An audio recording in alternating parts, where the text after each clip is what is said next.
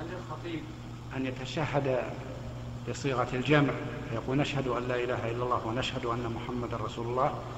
وإذا صلى على النبي صلى الله عليه وسلم هل يكفي المستمع أن يؤمن؟ عفى الله عنك. نعم. أما الأول الأحسن أن. أن يتشهد بالوارد. والوارد أشهد أن لا إله إلا الله وأشهد أن محمدا عبده ورسوله. في خطبة الحاجة الحمد لله نحمده ونستعينه ونستغفره ونعوذ بالله من شرور أنفسنا ومن سيئات أعمالنا. من يهدي الله فلا مضل له ومن يضلل فلا هادي له وأشهد أن لا إله إلا الله. فجعل الضمائر الأولى بصيغة الجمع والثانية بصيغة الإفراد. قال العلماء ووجهه أن الشهادة بالتوحيد الأنسب أن يكون الفعل أيضا موحدا. حتى تكون الصيغة والمعنى متفقين.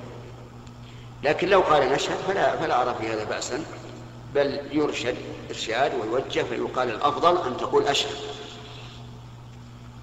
الفقرة الثانية من السؤال. هل يكفي المستمع إذا صلى النبي صلى الله عليه وسلم؟ نعم. يعني لو سمعنا شخصا يقول قال رسول الله صلى الله عليه وسلم فقلنا آمين كفى. لأن هذا الشخص الذي قال صلى الله عليه وسلم إنما يدعو بالصلاة للرسول للرسول عليه الصلاة والسلام.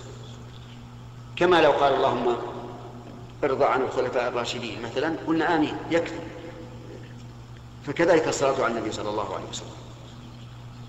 نعم.